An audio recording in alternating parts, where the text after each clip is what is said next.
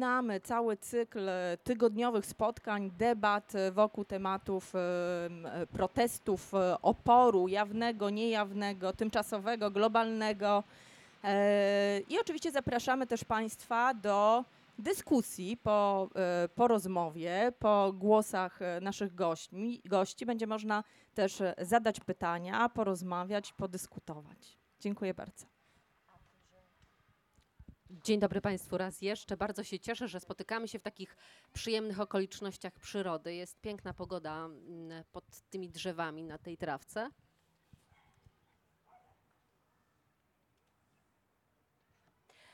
Chciałabym, e, przepraszamy, tutaj jeszcze takie narady na ucho, ale już przechodzimy do oficjalnej części. Jeszcze raz przedstawię naszych gości już e, z pełnymi afiliacjami. Profesor Dorota Piątek, politolożka, medioznawczyni, kierowniczka Zakładu Komunikacji Społecznej na Wydziale Nauk Politycznych i Dziennikarstwa Uniwersytetu imienia Adama Mickiewicza w Poznaniu. E, Profesor Krzysztof Podemski, socjolog, Wydział Socjologii tegoż samego znakomitego uniwersytetu, e, którego zresztą jestem, jestem absolwentką, pochwalę się, i e, Jakub Wygnański, socjolog, prezes Fundacji Pracownia Badań i Innowacji Społecznych Stocznia, felietonista kwartalnika Więź. Także miała być z nami także Marta Lempart, aktywistka, inicjatorka rzecz jasna ogólnopolskiego strajku kobiet i jedna z liderek tych jesiennych protestów przeciwko zaostrzeniu ustawy antyaborcyjnej, ale niestety z powodów zdrowotnych nie zdołała do Poznania dojechać. Bardzo żałujemy, ale oczywiście kazus y, strajku kobiet i tych protestów jesiennych niewątpliwie w naszej dyskusji także się y, pojawi. Będziemy mówić o wspólnocie oburzonych, szanowni państwo. Mm, Byli dekadę temu, czyli w stosunku do wieczności całkiem niedawno, tacy oburzeni, którzy nazywali się oburzonymi, pisanymi dużą literą. To oczywiście maj 2011 roku. No i madrycki e, plac, e, Puerta del Sol, e, także wydarzenia w ponad 60 innych hiszpańskich e, miastach. E, Chodziło o protest młodych ludzi przeciwko upartyjnianiu państwa, przeciwko wykluczaniu społecznemu. Domagali się pogłębienia demokracji, domagali się poprawy sytuacji na rynku pracy, a nazwę i podwaliny intelektualne tego, co robiły, co robili, dała im taka niewielka broszurka. Oburzajcie się, którą popełnił już mocno zaawansowany wiekiem, bo wówczas ponad 90-letni Steven Issel. e, To jest e, z jednej strony członek ruchu oporu francuskiego podczas II wojny światowej i autor, współautor Deklaracji Praw Człowieka ONZ-u, pisarz, dyplomata, rzecz jasna. I on mówił właśnie o tym, że czasem są takie momenty, kiedy ten niepokój społeczny e, przekuwa się w protest i będę Państwu też fragmenty w trakcie naszej dyskusji e, cytowała, bo będę chciała z naszymi gośćmi porozmawiać o całym przebiegu ruchu społecznego, protestu, buntu społecznego, od narodzin przez ten moment, kiedy się dzieje i to jest szczyt, kulminacja, aż po ten etap wygaszania. Ale zacznijmy od, e, od narodzin, czyli czyli od tego, kiedy pojawia się emocja zwana oburzeniem. Zanim, szanowni państwo, zaczniemy się buntować e, w formie soft, czyli na przykład zagłosujemy przeciwko rządzącym, tak najzwyczajniej, najprościej w świecie, e, po wersję hard, e, czyli zaczynamy protestować, strajkować, wszczynamy rewoltę albo rewolucję, to w jakim momencie pojawia się owo oburzenie, czego jest ono dowodem, kiedy pojawia się moment y, rewolucyjny. To oczywiście bardzo mocno brzmi, trochę za kapuścińskim, ale kiedy jest to napięcie społeczne tak silne, że nagle ludzie wychodzą na ulicę i mówią dość, panie profesorze? Ale do mikrofonu. Dobrze. E, Proszę Państwa, oczywiście oburzenie pojawia się przede wszystkim wtedy, kiedy coś nam zabierają. Czy ja mówię głośno? Y, Tak, ale mam prośbę, bo Ale to mikrofon kierunkowy, więc żebyśmy Dobrze. kierowali do niego Okej. o tak. Czyli oburzenie pojawia się wtedy, kiedy coś nam zabierają. To może być albo wartość materialna, najczęściej tak bywa, i my tak mieliśmy w Polsce do czynienia z taką sytuacją, prawda? Podwyżki 50, 70 rok i 76 rok są klasycznym przykładem takiego protestu materialnie uwarunkowanego. Ale mogą nam odbierać niepodległość, mogą nam odbierać wolność, mogą nam odbierać e, tożsamość, mogą nam odbierać podstawowe prawa człowieka. Ale dopóty, dopóki my się oburzamy indywidualnie, to nie jest to żadna akcja zbiorowa, nie jest to protest.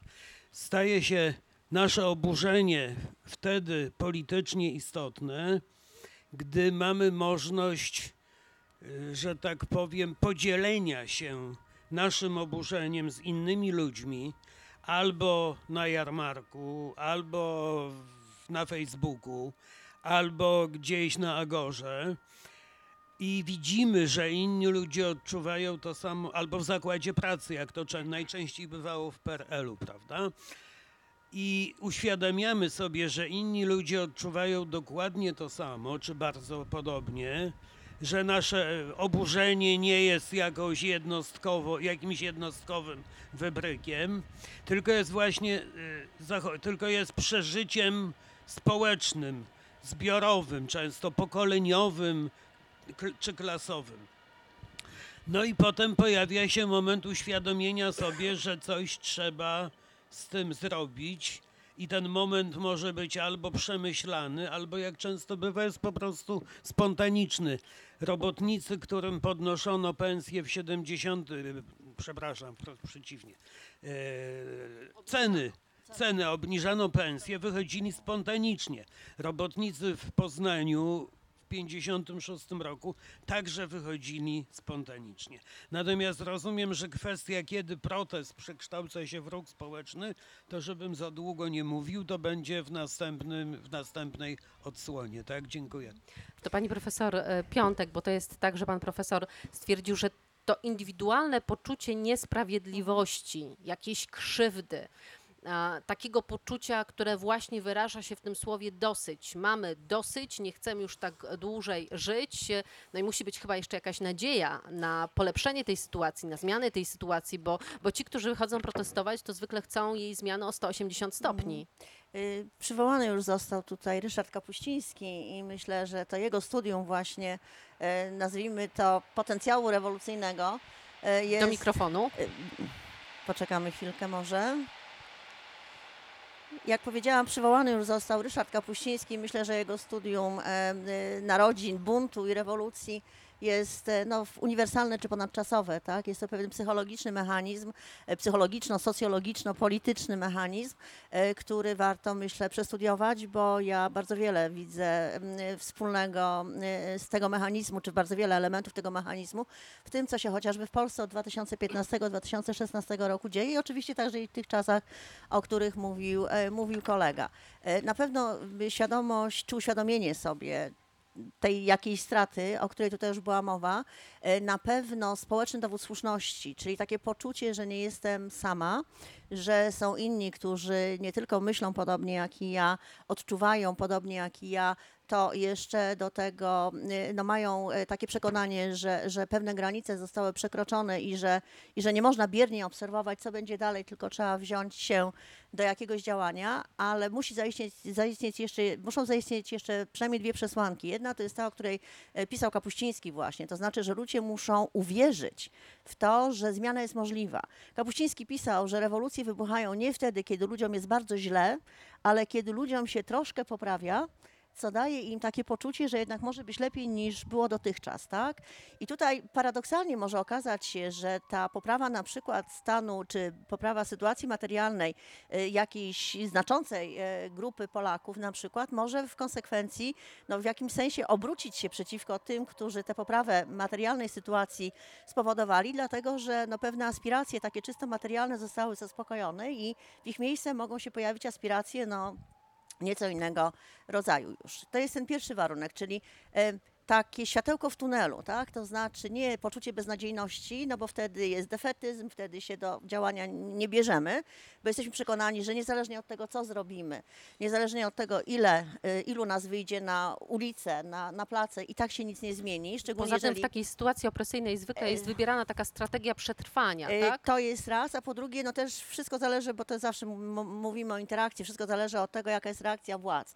Jeżeli władze reagują w sposób pokazujący ich z kolei determinację i taką, taką no, arogancję, bezczelność, no nie wiem jak to określić, żeby no, pozostawać jednak w pewnym, e, powiedziałam, pewnym poziomie dyskursu, tak, e, no to wtedy rzeczywiście bardzo łatwo jest e, nabrać przekonania, że właściwie nic, co działamy i tak nie będzie miało skutku.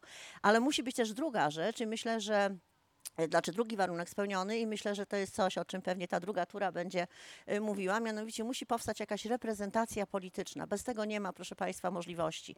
Ruchy, które mają charakter taki, powiedziałabym, spontaniczny, one oczywiście mogą być bardzo ważne, bardzo istotne, natomiast y, przez swoją incydentalność one tak naprawdę nie mają możliwości dokonania trwałej zmiany. Tak? Stąd powstaje pytanie i też powstaje ogromny problem, mianowicie w jakim stopniu na przykład pozwalać na reprezentowanie jakiegoś społecznego, nawet nie ruchu jeszcze, ale społecznej inicjatywy przez na przykład e, funkcjonujące struktury polityczne albo czy tworzyć jakieś struktury organizacyjne, które prędzej czy później, proszę Państwa, i tak będą musiały wejść w świat polityki, dlatego że na przykład, żeby odwołać jakieś regulacje, które w tej chwili są czynione prawne, to trzeba będzie wejść w proces po prostu e, decyzji politycznych, tak? Czyli to jest pytanie o to, na ile e, ryzykują takie inicjatywy oddolne, spontaniczne, na ile ryzykują, a na ile zyskują, kiedy się formalizują.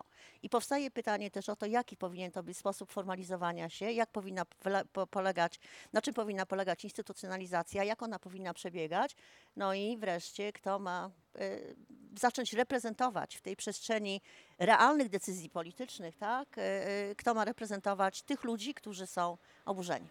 Ale jeszcze zatrzymując się na tym etapie narodzin tego ruchu, to jak rozumiem personalizacja, którą obserwujemy, też wymusza na takim ruchu posiadanie konkretnych liderów, konkretnych twarzy e, tego protestu. Em, Proszę Państwa, ludziom zawsze łatwiej się utożsamiać z osobami, a nie z jakimiś strukturami abstrakcyjnymi. Łatwiej jest nam się by utożsamić, identyfikować z konkretną osobą, niż na przykład z jakąś organizacją, która nosi jakąś tam nazwę, prawda? A tego rodzaju procesy, one zawsze były obecne, ale pamiętajcie Państwo, że żyjemy w określonej też rzeczywistości medialnej. E, mamy do czynienia z takimi procesami, które określane są mianem indywidualizacji, e, przepraszam, personalizacji medialnej, to znaczy takiej, że media interesują się tak naprawdę konkretnymi osobami, u, traktując te osoby jako uosobienie, jako twarz e, danej, danej organizacji. I zresztą też podmioty rozmaite społeczne mają tego świadomość, podmioty społeczne, polityczne, bo też następuje coś takiego jak e, powiedzmy promowanie, czy też chciałam, można by tutaj marketingo- marketingowego języka użyć, no tworzenie pewnej marki, takiej marki osobistej, tak, polityka, który jest utożsamiany, czy też który jest, utoż, y, który jest utożsamiany z, z partią, e, czy z jakimś ruchem e, społecznym, czy jakimś ruchem obywatelskim. Także tutaj no niewątpliwie e, twarz, niewątpliwie osoba, przy czym to też zwróćcie Państwo uwagę na kolejną kolejny problem czy kolejną kwestię do dyskusji, mianowicie biorąc pod uwagę sposób prowadzenia debaty publicznej, znaczy no pewnie nie tylko w Polsce, ale w Polsce rzeczywiście jest ona dramatycznie, e, dramatycznie e, e, no, znaczy jest, jest, jest kiepska, jest, jest, jest pełna nienawiści, e, to e, pytanie teraz, kto weźmie na siebie ten ciężar?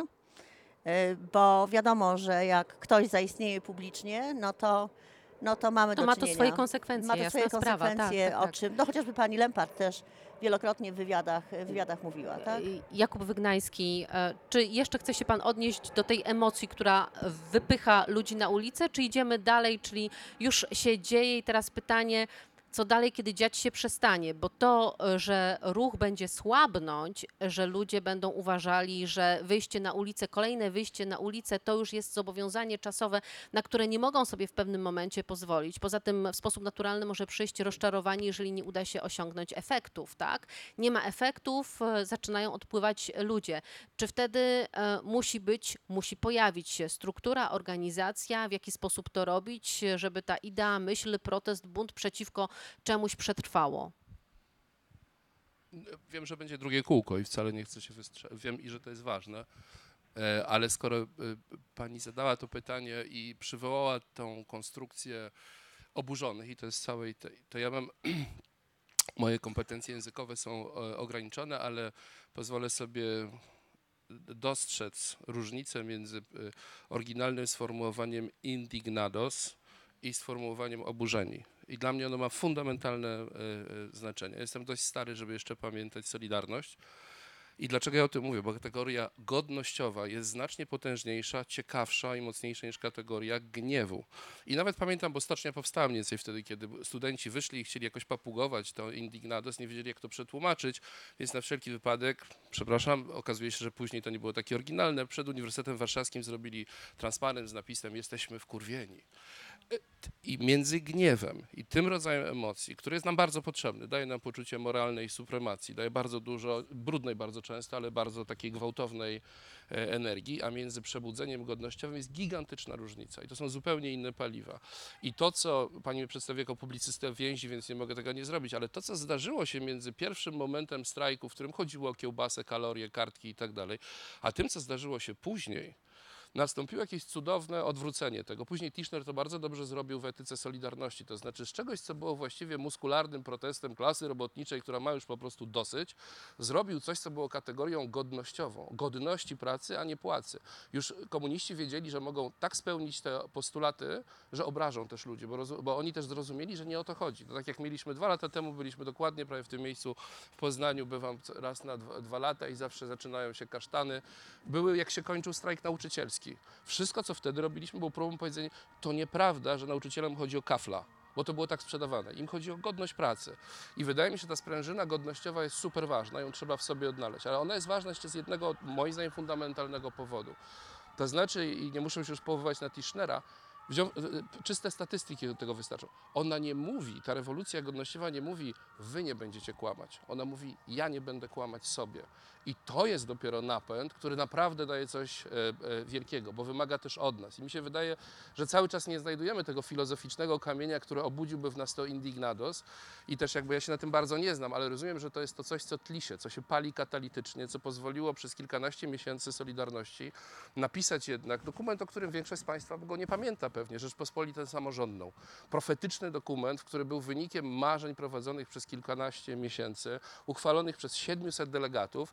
Kto wie, gdyby za 8 tygodni później nie wyjechały czołgi, jakby to wyglądało. Ale to było jakieś marzenie o Polsce, które zaczęło się w stoczni, ale miało cały swój metabolizm taki, w którym był jakiś namysł, była jakaś struktura i na końcu był jakiś rodzaj, no powiedziałbym, kwiatu, owocu. I on bardzo szybko, ta róża została szybko ścięta. Ale to, że dzisiaj rozmawiamy o samorządzie, to było wynikiem tamtego marzenia. To przetrwało, przeżeglowało przez smutne e, czasy e, stanu wojennego i później. Ale jak myśmy siadali do okrągłego stołu, to myśmy mieli tamte marzenia. One skąd się wtedy wzięły? Więc wydaje mi się, że ta kategoria gniewu jest potężna, łatwopalna, ale też jak weźmiemy, nie wiem, Indignados choćby, albo Occupy, albo Black Lives Matters, albo Podemos, albo Piratów i tak dalej, one wszystkie szukają jakiegoś me, jakiejś metody, żeby utrzymać ten rodzaj katalitycznego spalania, które do czegoś prowadzi. Chyba ten przez K- Castelsa chyba cytowany często, e, bo właśnie tak jak pani mówi, wszyscy tam byli z mikrofonami, kto jest waszym bardem, jakie są wasze postulaty. Nie znam nic z tego języka, ale pamiętam to tłumaczenie, które mówi, którym oni powiedzieli, my nie mamy speakera, my nie mamy lidera.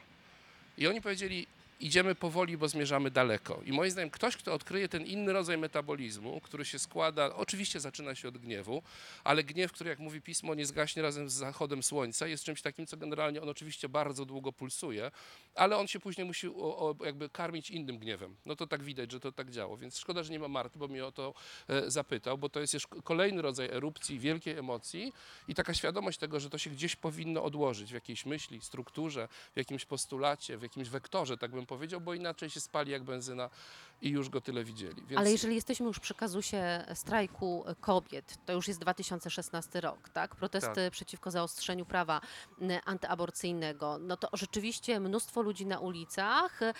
Tyle, że potem nastąpiło osłabnięcie zaangażowania i kiedy wyrok został wydrukowany, bo najpierw Tak. jego drukowanie zostało odroczone ze względu właśnie na Tak. presję ze strony społeczeństwa, no to te protesty oczywiście nie były tak zaawansowane, ale przecież e, badacze wskazują uwagę na to, że być może to, ten gniew E, I to upokorzenie, bo zostaliśmy upokorzeni tym orzeczeniem, przełoży się na e, poglądy polityczne. I to już obserwujemy Pewnie tak, tak. wśród młodych ludzi. Więc jeżeli nie mamy wpływu swoim protestem, strajkiem, buntem na decyzje tych, którzy mają władzę, nie jesteśmy w stanie wyszarpać tego, e, po co wyszliśmy na te ulice, to być może to zmieni nasz sposób no- myślenia o świecie i w przyszłości wybierzemy innych ludzi. Chciałbym w to, w to wierzyć, tylko też myślę, bo ja chcę już się zamknąć, ale jak mówili Państwo o tej Kapuścińskiego, tej teo... Mhm. Bo e, ja częściowo jestem socjologiem, częściowo fizykiem. I Część osób pewnie pamięta z matury, co to jest temperatura wrzenia. To jest, to, jest, to, jest, to jest kwestia dwóch ciśnień, tego nad i tego pod, tego ciśnienia pary nasyconej i tak dalej. I wydaje mi się, że te bunty są bardzo różne, bo są i takie, które biorą się z tego, że coś nam odebrano, i są takie, w których już nic nie możemy stracić. One mają kompletnie inną dynamikę. Ale pytanie jest, gdzie jest cęgiel, który uruchamia, uruchamia bunt w tych czasach? Bo umówmy się od czasu, nie wiem, od buntu mas mniej więcej, gdzie w ogóle ludzie nie wierzą w jakieś transcendencje. To musi być obszar, który u nas uruchamia bunt, w Polsce nie tylko, jest bardzo ograniczony. W dużej mierze, jak młodzieży zabrano e, internet i akta na całym Akta, świecie, to jest moje. To jest, ci, ci starsi tego nie zrozumieli. Nawet polski rząd w nocy zmienił opinię, po której stronie barykady się znajduje, bo poczuł, że dla tej młodzieży gówniarzeri to nagle dotknęli, tak jak rodzice odkrywają, że dawniej można było zrobić szlaban na telewizor i to się jakoś mieściło w głowie. Teraz spróbuj zabrać internet, to jest kategoria godnościowa, to jest właściwie esencja. Potem były protesty Później po jest ciało. początku. Później jest ciało, moje własne ciało, moje własne intymne rzeczy. I te, te, te, te cyngle do buntu, one są bardzo, bardzo żywe w społeczeństwie. Jest pytanie, jak mu rozmawiamy, że tu się ludzie buntują, bo zaglądają im od kołdrę, a Trybunał Konstytucyjny generalnie traktują lekce. Później te fakty się połączą, musi minąć kilka lat. Ale generalnie moim zdaniem jeden z dużych problemów to jest taki, że bardzo trudno ludzi wy, jakby przywołać, wywołać do takich kategorii, które właśnie mają charakter jakiś bardziej transcendentny, taki, że to jest jakaś, jakiś porządek, jakaś sprawiedliwość, jakaś prawość, jakieś coś, jakieś instytucje w szczególności. Natomiast bardzo łatwo ich rozruszać, jeśli stanie się w tym miejscu i myślę, że tym głównie zajmują się politycy i wszyscy, którzy kształtują politykę poprzez to, co w polityce jest tak bardzo modne, tak bardzo potężne, to co Grecy nazywali patosem, to znaczy, że po prostu emocją. I to jest ciekawe po grecku słowo apatos, oznacza dokładnie odwrotność tego. Jest podstaw... I to nie jest taki kuba, nie bądź taki apatyczny. To oznacza tyle i nie jest impotencją emocji. Jest o wielkich emocjach, tylko jest o tym, że umysł wyprzedza emocje. I tego w polityce najbardziej e, brakuje, bo gniew się odpala. Zresztą chyba pani Marody, chyba, nie wiem czy to od niej nie pochodzi, to pojęcie banków gniewu. Banków gniewu. To znaczy, że to są właśnie takie bateryjki, które można na krótko zewrzeć i odpalić. Zamykam, bo gadam za dużo. Można? Kwestia jeszcze tylko a, a propos tej tożsamości mm, chciałabym zapytać, bo kiedy pan powiedział, że można byłoby podzielić te bunty na dwa rodzaje. Ten cielesny, tak, kiedy ktoś nam zagląda pod kołdrę, to to, co mieliśmy na jesieni ubiegłego roku, a z drugiej strony ktoś nam coś zabiera. Akta, młodzi mówią, zabierają nam internet. A ci ludzie, którzy wyszli z pańskiego pokolenia, kiedy Prawo i Sprawiedliwość dewastowało Trybunał Konstytucyjny, czy potem e, sądy, Sąd Najwyższy, no to im nie odebrano czegoś materialnego, ale im odebrano biografię, dumę. Biografię, dumę i to, że myśmy Tożsamość. naprawdę byli y, czempionem i to, że przede wszystkim moje pokolenie, ja dokładnie w, w momencie okrągłego stołu, jak ma 24 czy 25 lat, więc ja mam tak, to coś, co można powiedzieć jako punkt referencyjny, to znaczy ja, mogę, ja sobie mogę przypomnieć granice NRD, ja sobie, znaczy w tych trudnych momentach, wie, wiem, że to jest jedna z najgorszych pociech, ale czasami też motywacji, ja wiem, co myśmy utracili. Ja po, mam poczucie wstydu, dlaczego my nie, nie jesteśmy tak bezradni w stosunku do tego, co się dzieje na Białorusi, Ukrainie, dlaczego to państwo, ja naprawdę nie mam żadnej satysfakcji z tego, że to państwo jest tak kompletnie zdewastowane instytucjonalnie. I to czuję rzeczywiście, no to pewnie jest bardziej pokoleniowe, bo to mikrofonu, wielki, bo że to był wielki, że budowanie tych instytucji no oni generalnie odgrzebali lektury z lat dwudziestych, mniej więcej koniec Republiki Weimarskiej, Karla Schmidta i tak dalej. Przecież cały wokabularz pod tytułem wola polityczna ważniejsza niż instytucje, nienawiść do imposybilizmu. No i podstawowa doktryna pod tytułem pokaż mi swojego wroga, a powiem ci, kim jesteś, jako polityk i tożsamość, z równą ochotą czytają to feministki, jak i ludzie, e, jak, jak i przedstawiciele prawicy. My po prostu daliśmy się u, jakby ubrać i działa w nas ta negatywna antropologia taka z linii Machiavella. To znaczy, że człowiek ma różne natury, ale ta, która właśnie bazuje na gniewie, e, ta, która bazuje na tym, że musisz mi pokazać wroga i że właściwie to jest istota tego, kim ja jestem, to jest to, kim nie jestem, jeśli mogę tak powiedzieć, to jest coś, co jest łatwiejsze. I moim zdaniem ja, no nam jest potrzebne, ja formułuję taką tezę o demokracji wysiłkowej. To znaczy, ona nie musi być wcale bardzo mnoga, ale musi być choć trochę ludzi, którzy traktują tą demokrację poważnie, indywidualnie, bo prawdziwa granica i obrona demokracji jest na ulicach czasami, ale jakby to powiedzieć nieco patetycznie, nie da się zbudować demokracji bez demokratów, więc dobrze trzeba było sobie zadać pytanie, co to znaczy w tych czasach być demokratą, a to oznacza mieć na przykład wysiłek i zdolność do posiadania własnego poglądu, znoszenie ludzi, którzy myślą inaczej niż my, E, zakaz prozelityzmu, jakby uznanie, że to no tak po prostu musi być. To, są, to wymaga cnót tak naprawdę, a, a ten strasznie trzeba nad nimi pracować i my nie mieliśmy do tego okazji, takie jest moje zdanie i idziemy w związku z tym na emocjach. No. No, przeciwstawianie się dychotomii my-oni jest bardzo trudne, bo to atawizm, prawda? Ta plemienność, że ten obcy jest zawsze zagrożeniem. Bardzo łatwo nas podzielić na naszą grupę i cudzą grupę, co pokazują liczne badania. Wiem, że to, ale już mogę później nic nie mówić, ale my jesteśmy jako gatunek świetnie zaprogramowani, nie jesteśmy żadnymi egoistami. Jesteśmy świetnie zaprogramowani do skryptu ja-my, Mhm. on ewolucyjnie był nagradzany i każda sytuacja ryzyka oznacza, że pierwsze, co musisz zrobić, bo kosztuje cię to życie, to jest odróżnić wroga od, Od e, przyjaciela. przyjaciela. E, Chyba Diamond to piksuje w tej słynnej książce o tam e, strzelby, coś tam, coś tam z Nowej Zelandii, tą sytuację, gdzie dwa plemiona wybiegają naprzeciwko siebie i tak szybko mnożą pamięć o swoich przodkach, żeby ustalić, czy któryś z nich jest wspólny, bo wtedy nie muszą się zabić. I do tego to się sprowadza. Więc ewolucyjnie jesteśmy potwornie źle wyposażeni w kategoria my, oni. Dlatego, Dlatego że łatwo nacisnąć ten Absolutnie. przycisk. I ona jest w tym sensie, to bardzo bazuje na naszej naturalnej części skłonności. Jak jest niebezpiecznie, to musimy być, no generalnie, no, no to jest, wiem, że straszne słowo wyjdzie z moich ust za moment, no ale jeśli pamiętamy skąd jakieś źródło słów słowa faszyzm, fasci, no to generalnie on mówi tylko tyle i to są we wszystkich mitach, że jak będziemy w jednej linii, jak ta lina, nie wiem, ktoś, y, że, że jak będziemy tacy sami, ta, ta pretoriańska rózga na tym polega, to jest ten symbol dokładnie, faszyna, czyli rodzaj płotu, no on generalnie mówi o tym, że bezpieczeństwo polega na pewnej jednorodności i że to jest, i że to jest pierwotny instynkt zupełnie. To, o czym my tutaj mówimy, jakaś opowieść o taka e, właśnie nie kosmopolityczna, ale bardziej mozaikowa, o tym, że różnorodność jest, jest, jest potencjałem, jak anoda i katoda, że z tego robią się najciekawsze rzeczy, no ale musisz być gotów do tego, żeby znosić, że ktoś ma inny po, pogląd i próbować go w ogóle nawrócić, No, trzeba wyjść też go- poza samego siebie. i też go nie ignorować, bo moim zdaniem ten spór o Republikę Weimarską był taki, że ona jest, no Schmidt uważa, że ona jest niemożliwa wewnętrznie, dlatego, tu dla pewnie wielu osób, którzy myślą progresywnie, że jej problem polega na tym, że ona wcale nie jest tolerancyjna do innych, tylko inni nikogo nie obchodzą. I że to jest prawdziwy problem, że to jest taka demokracja, którą nikt nie będzie umierał, bo nikt nikomu nie zagląda pod, od, pod kołdrę, ale nie dlatego, że uznaje, że może mieć różne praktyki pod kołdrą, tylko dlatego, że po prostu kompletnie nie jest zainteresowany niczym. I ten rodzaj, nazwijmy to demokracji, w której nikt nikim nie jest zainteresowany i nazywa to tolerancją, jest czymś, co jest bezbronne i popełni samobójstwo. Tak, tak mi się wydaje. Czyli z jednej strony wyjście poza obojętność, z drugiej strony zamiast tolerancji akceptacja tej różnorodności.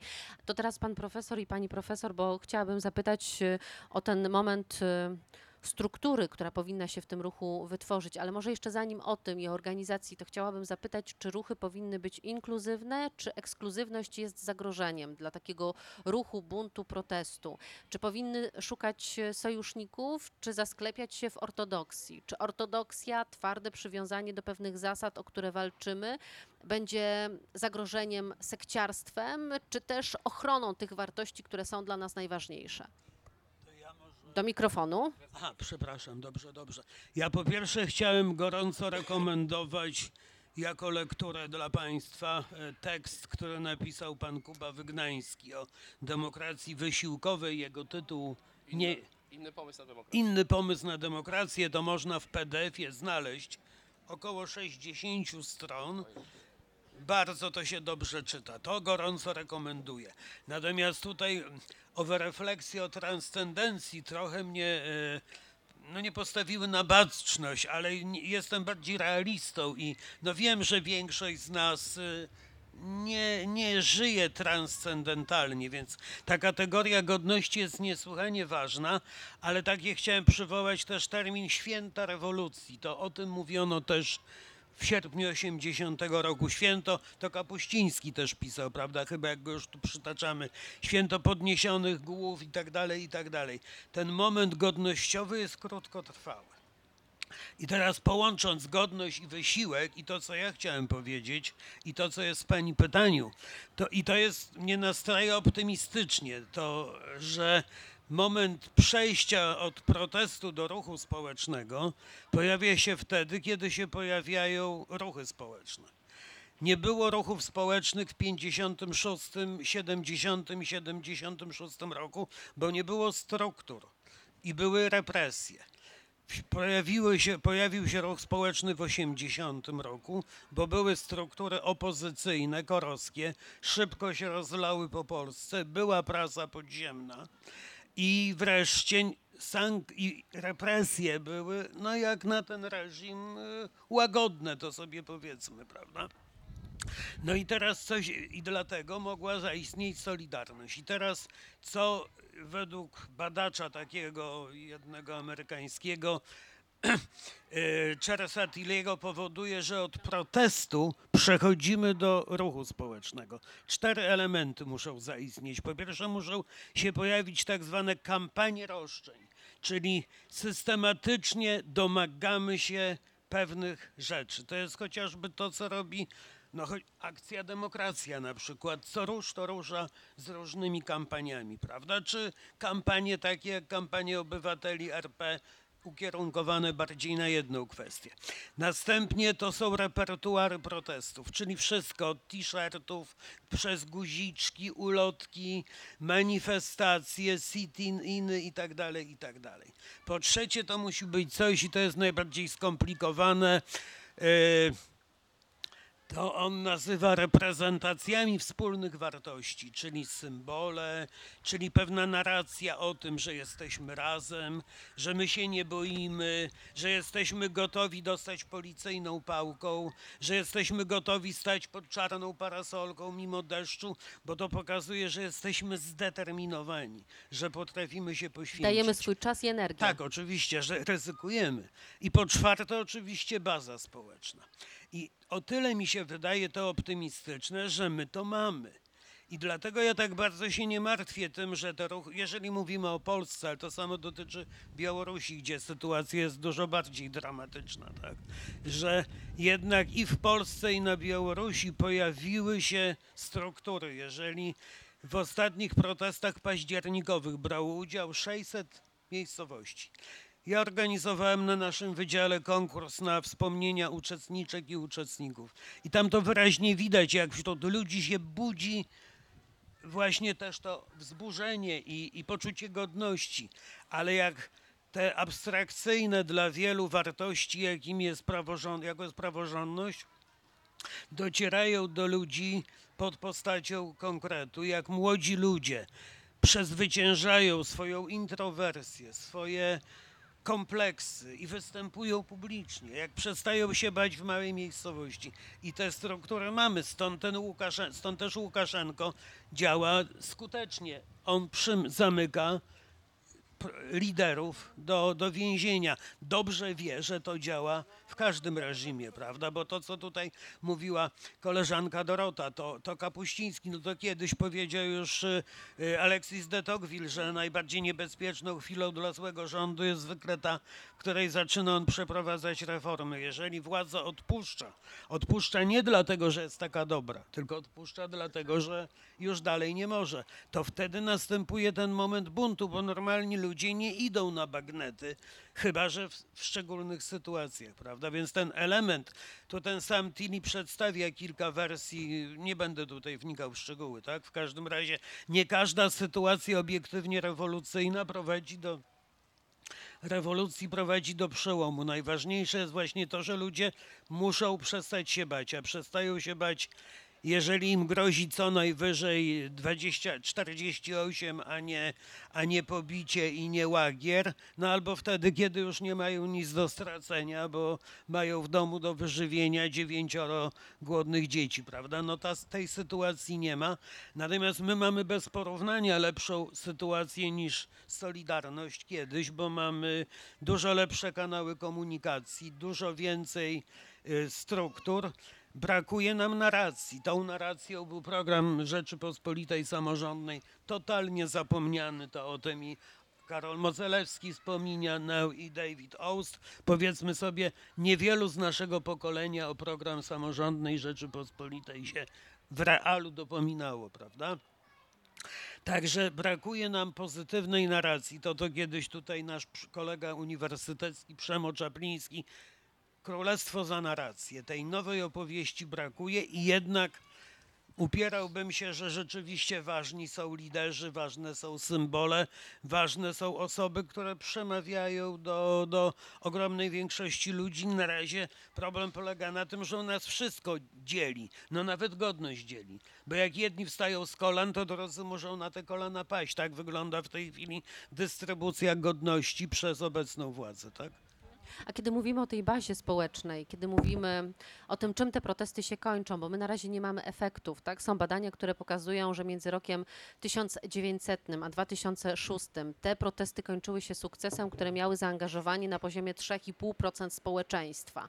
Widać, nie osiągamy ciągle takiego stopnia zaangażowania, żeby te protesty zakończyły się sukcesem. Akta i owszem, władza się cofnęła, ale w ostatnich latach władza się nie cofa. Tak trudno uznać, by weto pana prezydenta Andrzeja Dudy do dwóch ustaw sądowych pod wpływem protestów e, sądowych z 2017 roku to było, to był sukces. To nie było sukces, to było odroczenie w czasie pewnych rozstrzygnięć, które przyszły już na jesieni 2017 roku. Nie, ma, nie było efektu e, protestu tego, e, który miał miejsce jesienią zeszłego roku, ponieważ orzeczenie Trybunału Konstytucyjnego zostało wydrukowane i obowiązuje, cokolwiek byśmy nie powiedzieli o jego nieprawości i niezasadności, tak, i, i nieumiejscowieniu w tym porządku, który pamiętamy prawnym sprzed 2015 roku. Czyli skoro nie mamy efektów tychże działań, władza się nie cofa, wzięła Trybunał Konstytucyjny, wzięła prokuraturę, wzięła sądy, przeprowadziła zaostrzenie prawa e, antyaborcyjnego. Do mikrofonu. Od e, czasu, gdy Gandhi wrócił z Republiki Południowej Afryki do Indii, do uzyskania przez Indię niepodległości minęło 1915-1945, 30 lat. Od czasu, gdy e, Rosa Parks e, odmówiła opuszczenia miejsca w autobusie jako czarnoskóra i wezwała do bojkotu w- autobusów, do li- eliminacji tak zwanych ustaw Jim Crowa, minęło 10 lat. To nie jest proces y, błyskawiczny. Ja myślę, że sytuacja e, tych protestów wyglądałaby inaczej, gdyby nie pandemia. Pandemia spowodowała, że dużo, że, znaczy ja bym powiedział tak, to, że mimo pandemii tak dużo ludzi wychodziło na ulicę, to jest moim zdaniem ogromny sukces, tak? I gdyby nie to, że potem był no właściwie zakaz organizowania manifestacji już całkowity, to to tak się musiało skończyć, ale myślę, że jakakolwiek, jeżeli się skończy pandemia i będzie jakakolwiek następna próba manipulowania i próba zaostrzenia tej ustawy, to będzie, to to się powtórzy. I taka jest jest taki model e, MAP, e, Movement Action Plan. E, Każdy ruch ma swoje fazy i różnie to opisują. W tym, w tym modelu MEP to jest 8 faz. Każdy ruch od, od, bunt, od poczucia wkurzenia do momentu zwycięstwa jest 8 faz. Oczywiście nie każdy ruch przechodzi przez wszystkie 8 faz. I nie każdy Niektóre dochodzi do się- zwycięstwa. Nie, nie w każdym dochodzi do zwycięstwa, ale to, że pewne ruchy na jakiś czas y, przymierają, ucichają, to jest normalne. My mamy w tej chwili w takim Ciechan, y, w Cieszynie, gdzie kiedyś jedna pani Gabrysia Smolarek, fantastyczna fryzjerka, samotnie wychodziła na ulicę. Ludzie tam ją chyba mieli w mieście za jakąś wariatkę, która nie wiadomo co robi. O ile pamiętam, wyszło na jesieni 2000 cieszyniaków, prawda? To jest coś, ja, dla młodych ludzi to jest w ogóle tak jak dla nas był, Solidarność była przeżyciem pokoleniowym, to ja jestem przekonany, że tutaj widzę trochę młodych osób. E, To dla wielu z Was to także, co się działo teraz, jest tak zwanym przeżyciem pokoleniowym, którego nie zapomnicie i które e, no, ukształtowało Waszą, ja patrzę na Formacyjne. ukształtowało formacyjnie wasze poglądy na świat. Ale wracam to, do mojego pytania. zostało- Już oddaję głos pani Okej. profesor o tę inkluzywność, ekskluzywność, o to poszukiwanie sojuszników, a może zasklepianie się w swojej bańce. Mam nadzieję. Natomiast no, to, co mówiłeś przed chwilą, to też dowodzi, że jednak liderzy są potrzebni, tak? Że zawsze łatwiej jest zjednoczyć się wokół kogoś, kto pokazuje tę siłę i determinację. Bo osoba, o której mówiłaś rzeczywiście, mówiłeś rzeczywiście wyjątkowa kobieta, dzień w dzień na rynku stała o godzinie tam określonej i no, w małej społeczności, proszę Państwa, no rzeczywiście musiało to sprawiać wrażenie jakiejś takiej determinacji graniczącej z jakimiś zaburzeniami, prawda? Się później okazało, że to miało jednak efekt, przyniosło ten skutek w postaci właśnie mobilizacji społeczności. E, Myślę, że w pytaniu e, tutaj zawiera się kilka porządków tak naprawdę i jeżeli natomiast e, mówimy o kwestii nawiązywania aliansów bądź nie, inkluzywności bądź ekskluzywności, to tak naprawdę mówimy o takim porządku, powiedziałabym, politycznym, czy też porządku takim e, pragmatycznym. Y, Bo y, czym innym jest zamanifestowanie swojej, e, nazwijmy to, aksjologii, tak, tych wartości, w które się wierzy, czym innym jest zamanifestowanie tego, mm, e, jaka jest nasza tożsamość, czy co się mieści w naszym poczuciu naszej godności, e, a czym innym jest e, no, po prostu załatwienie sprawy. I jeżeli mówimy na tym e, poziomie załatwiania sprawy, no to niestety wchodzimy już w ten obszar, o którym, jak sygnalizowałam wcześniej, jest obszarem szalenie trudnym dla, każdej, e, dla każdego ruchu. Tak, to znaczy, no trzeba sobie w pewnym momencie powiedzieć, e, o co chodzi. Czy chodzi o to, żeby zamanifestować i manifestować i liczyć na to, że władza się sama cofnie, czy też e, no, trzeba uwzględnić e, czynniki, jak, jak, jakie, jakie są. Kiedy mówimy o akta i kiedy mówimy o wycofaniu się wtedy tamtej władzy, to pamiętajcie Państwo, że jednak mieliśmy do czynienia z inną władzą, tak? I tutaj też pani redaktor wspomniała, że ta władza się nie cofa. Przeciwnie, nawet podejmuje pewne decyzje w sytuacji, które wydawać by się mogły z takiego czysto pragmatycznego, socjotechnicznego punktu widzenia, byłyby no, w gruncie rzeczy czymś, co określamy mianem strzelenia sobie w stopę, prawda? No bo jeżeli To jest ta wychodzą... strategia, pani profesor, Dokładnie. szanowni państwo, Tak. przeczekiwania także. I to jest, mam wrażenie, zrozumienie natury protestów społecznych. No niechże one osiągną swoją kulminację, po czym niech się zwiną. Niech się zwiną i niech ludzie się zaadoptują. No, ludzie mają fantastyczne umiejętności adoptowania się, no i ci, którzy e, e, zostają dotknięci bezpośrednio e, regulacjami, o których tutaj mówimy, e, to albo sobie potrafią poradzić, tak, albo mm, i, i, i Ale tak, to takie- expressis verbis ostatnio powiedział Jarosław Kaczyński a propos orzeczenia Trybunału Konstytucyjnego. Każdy potrafi sobie znaleźć tak pomoc za granicą. Co jest paradoksalne znowu e, też w wielu wymiarach, między innymi w takich wymiarach, że no, tego rodzaju sytuacja promuje w pewnym sensie, jeżeli w ogóle tutaj można mówić, e, użyć słowa promuje, no te osoby, czy też te kobiety, które no, są w lepszej po prostu sytuacji ekonomiczno-materialnej i, i, i każdej innej, prawda? Czyli, czyli no, w gruncie rzeczy tego rodzaju e, sformułowania uderzają w no, to jądro elektoratu partii, o której tutaj e, mówimy. Natomiast, e, natomiast jest kwestia, mówię, pewnej pragmatyki mm, i jeżeli władza się nie cofa, jeżeli władza podejmuje decyzje, które z punktu widzenia no, wielu ekspertów, wielu moich nie wiem, kolegów, koleżanek, politologów, politolożek zastanawiało się, że nie, że jednak nie zrobią tego, przecież ludzie wychodzą na ulicę, przecież to jest takie mm, przeciwskuteczne, przecież no, mogą to trzymać w tym Trybunale tyle czasu i się okazało, że jednak przyszło i e, przyszedł ten moment i jakby, jakby nic się tej władzy nie stało, tak? Nie, nie ma dramatu.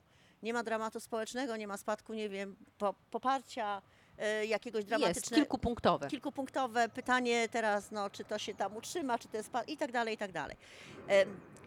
Podejmować decyzje e, i to jest szalenie trudne i dlatego też nie można tutaj mówić o żadnym uniwersalnym wzorcu, tak? Podejmować decyzje o inkluzywności czy ekskluzywności, e, o tym, czy wchodzić w jakieś układy, które zawsze części zwolenników tak, jakiegoś ruchu e, będą się wydawały podejrzane, tak? Bo politycy, jaką mają reputację, czy polityka, jaką ma reputację, to Państwo doskonale wiecie. Mm, I w związku z tym zawsze dla części tych, którzy wspierają ruch konkretny czy ruchy społeczne, będzie to rodzaj zdrady, tak? wchodzenie w jakieś paktowanie e, z politykami, E, ale no z drugiej strony, jak powiedziałam, jeżeli patrzymy na to w płaszczyźnie takiej czysto pragmatycznej, to znaczy, że nie chodzi o to, żebym ja z godnością mówiła, że moralnie mam rację, ale jakby podporządkowywała się pewnemu, pewnemu reżimowi, tylko chodzi o to, żebym ja zmieniła tak, tę sytuację, która godzi w moją godność, no to no to jeżeli wybierzemy to drugie, czyli zmianę, to nie możemy, powtarzam, liczyć na to, że się władza cofnie, czy każda władza się cofnie, bo mimo iż mówimy o tym, że mamy do czynienia z polityką e, sondażową, tak, czyli że tam politycy sobie sprawdzają, co im się opłaca i tak dalej, to też widzimy, i to jest sytuacja w Polsce w tej chwili, że mamy do czynienia, czy możemy mieć do czynienia z władzą, która jest tak zdeterminowana, przy okazji dysponuje takimi środkami, narzędziami, e, likwidując właśnie e, instytucje, które mogą kontrolować, czy które miałyby kontrolować te władze, że no w takiej sytuacji e, no nie, można, nie można liczyć na to, że władza się wycofa. Tak? Czyli każdorazowo trzeba po prostu oceniać i trzeba odpowiedzieć sobie na pytanie, mówię tutaj o tych, którzy animują e, tego rodzaju ruchy, o co nam chodzi, jaki jest cel strategiczny i jak do tego celu strategicznego można dojść. Ja nie ośmieliłabym się tutaj z żadnych uniwersalnych rad dawać, bo zauważcie jeszcze Państwo też, że też żyjemy w innych nieco czasach niż 30 lat temu. E, Czasy są, jak to się nazywa, ponowoczesne, tak? Ludzie są przyzwyczajeni do takiego silnego bodźcowania. E, Nie są cierpliwi, nie są e, nie mają w sobie no, takiej pokory oczekiwania, tak? Chcieliby, żeby ich działania Żeby przynosiły efekty były tak, natychmiast. natychmiast, tu i teraz. Jeżeli tych efektów nie ma tu, i- tu i teraz, no to w takim momencie się wycofujemy. To ja to chrzanię, mnie się to nie podoba, to ja nie będę marnowała swojej energii, to ja tam, nie wiem, udam się na emigrację wewnętrzną, albo porobię coś przyjemniejszego, prawda? Albo też e, Albo powiem wyjadę na- sobie, za granicę dokładnie, albo powiem sobie, że w gruncie rzeczy co mnie to obchodzi, ja i tak swoje sprawy po swojemu po, poukładam i tak dalej, tak? Także no, to są sytuacje bardzo skomplikowane. Myślę, że tutaj też interesujący byłby głos psychologów polityki, prawda? Bo, e, bo to też kolejna płaszczyzna analizowania zachowań i e, obywateli, ale też i władzy. Mm, W każdym razie powtarzam, no, i kiedy mówimy o, o kwestii, czy ruch powinien włączać, czy powinien wyłączać, e, czy ruch powinien mm, w jakiś sposób przeobrażać się instytucjonalnie i podejmować jakiś dialog z władzą, to tak naprawdę mówimy o pewnym porządku takim pragmatycznym, tak? E, I tego rodzaju dylematy muszą być rozwiązywane w obrębie już każdego, I każdego one ruchu. pojawiają się w sposób Zawsze. e, natychmiastowy. No, Tak. Chociażby spójrzmy teraz na Polskę, bo kiedy mówimy o tej relacji ruchów e, protestów, ruchów społecznych z politykami, to natychmiast pojawia się po stronie polityków opozycyjnych wobec aktualnej władzy chęć podłączenia się pod taki ruch protestu, wykorzystania tego, tej energii dla własnych celów politycznych. To obserwowaliśmy przy okazji Komitetu Obrony Demokracji. Politycy natychmiast chcieli w tych marszach e, maszerować, a potem nawet je współorganizowali, a nawet organizowali. To właściwie e, KOD był tą e, siłą To mniejszościową. jest też, tak samo w sobie... przypadku e, protestów tych e, Ale pozwolę sobie tylko zwrócić Państwa uwagę na jeden taki mechanizm bardzo uniwersalny. No, mamy w tej chwili Mistrzostwa Europy w piłce nożnej. e, 2020, tak. E, I zwróćcie Państwo uwagę, jak bardzo też politycy chętnie podłączają się pod e, wydarzenie, które jest kojarzone emocje. kojarzone pozytywnie, tak? Pozytywno, no może po ostatnich tam, po ostatnim przypadku nie do końca, ale no wiadomo, że generalnie nic się nie stało i tam rycerz mały, waleczny wyjdzie i powalczy. Natomiast chodzi mi o pewien mechanizm, tak? Czyli politycy w ogóle mają skłonność do podłączania się pod takie zbiorowe emocje, które mają charakter pozytywny, ale też zwróćcie Państwo uwagę i, w związku z tym y, z punktu widzenia takiej czy, czy, czysto pragmatycznej, z punktu widzenia pragmatycznego to nie ma znaczenia, czy to jest skok tam zawodnika, czy wygrana siatkarzy, bo o piłkarzach tego póki co nie możemy powiedzieć, czy też jest to na przykład protest, który budzi pozytywne, przynajmniej w części społeczeństwa emocje. Nie, m- Mówimy tutaj o pewnym mechanizmie, natomiast to też proszę zwrócić uwagę, pokazuje jak bardzo, e, jak bardzo zdeprecjonowała się polityka, tak? To znaczy jak bardzo musi chwytać się takich, powiedziałabym, zastępczych em, instrumentów budowania swojej jakiejś pozycji czy swojego społecznego rezonansu. Swojej siły. Ale też tutaj zwróćcie Państwo uwagę, że niezależnie od tego, czy mówimy y, o strajku, czy mówimy o wydarzeniu sportowym, to są jednak incydenty. Tak? Czyli znowu kwestia później tego, czy się przeobrazi to w y, jakieś działanie takie, już powiedziałabym, taktyczno-strategiczne, które siłą rzeczy musi być i instytucjonalne, bo też żyjemy, proszę Państwa, w świecie bardzo, powiedziałabym, sprofesjonalizowanym, tak? To znaczy, y, no to minęły te czasy, że ktoś, kto ma charyzmę, fantazję, pociągnie za sobą ludzi i doprowadzi tam do jakiejś takiej szalonej zmiany społecznej. Do tego w pewnym momencie potrzebne są struktury i bodajże w Polsce, to może panowie mnie poprawicie, jeżeli się mylę, ale była taka chyba jest jeszcze taki związek zawodowy e, to się nazywało Solidarność Walcząca bodajże. To nie Związek Zawodowy, a Organizacja, Organizacja, ro, Rodu przepraszam. Morawiecki. E, W każdym, to, nie, to, to, to jeszcze może, mogło mi się coś pomylić, w każdym razie gdzieś w latach 90. to był mm, organizacja, przepraszam, że nie pamiętam w tej chwili. 80 to był Związek O tak, Zawodowy. może. To była chyba pierwsza organizacja, proszę Państwa, Związek Zawodowy, który wynajmował agencję PR-owską, e, która miała pomóc w przygotowaniu e, działań strajkowych w taki sposób, żeby one zyskały nagłośnienie medialne.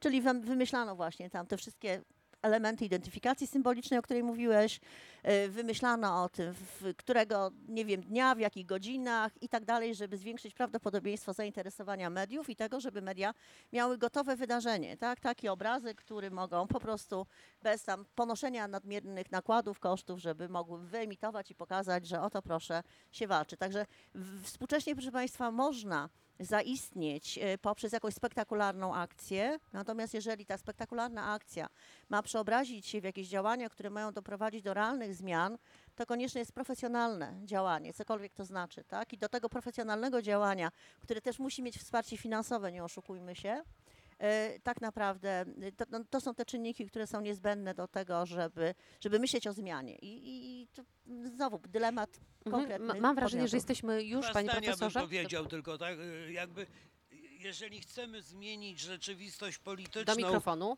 jeżeli chcemy dokonać zmiany w polityce, to musimy zdobyć władzę. Gandhi by nie zwyciężył, gdyby nie wsparcie ze strony kongr- partii kongresowej. E, Martin Luther King by nie zwyciężył, gdyby nie wsparcie e, ze strony Partii Demokratycznej. Jest przesadą stawianie opo- w opozycji e, szlachetnych ruchów społecznych i zgniłych polityków. Zwłaszcza, że każdy ruch społeczny też czasem ulega temu, co niemiecki socjolog Michels nagrał, nazwał 100 lat temu żelaznym prawem oligarchii.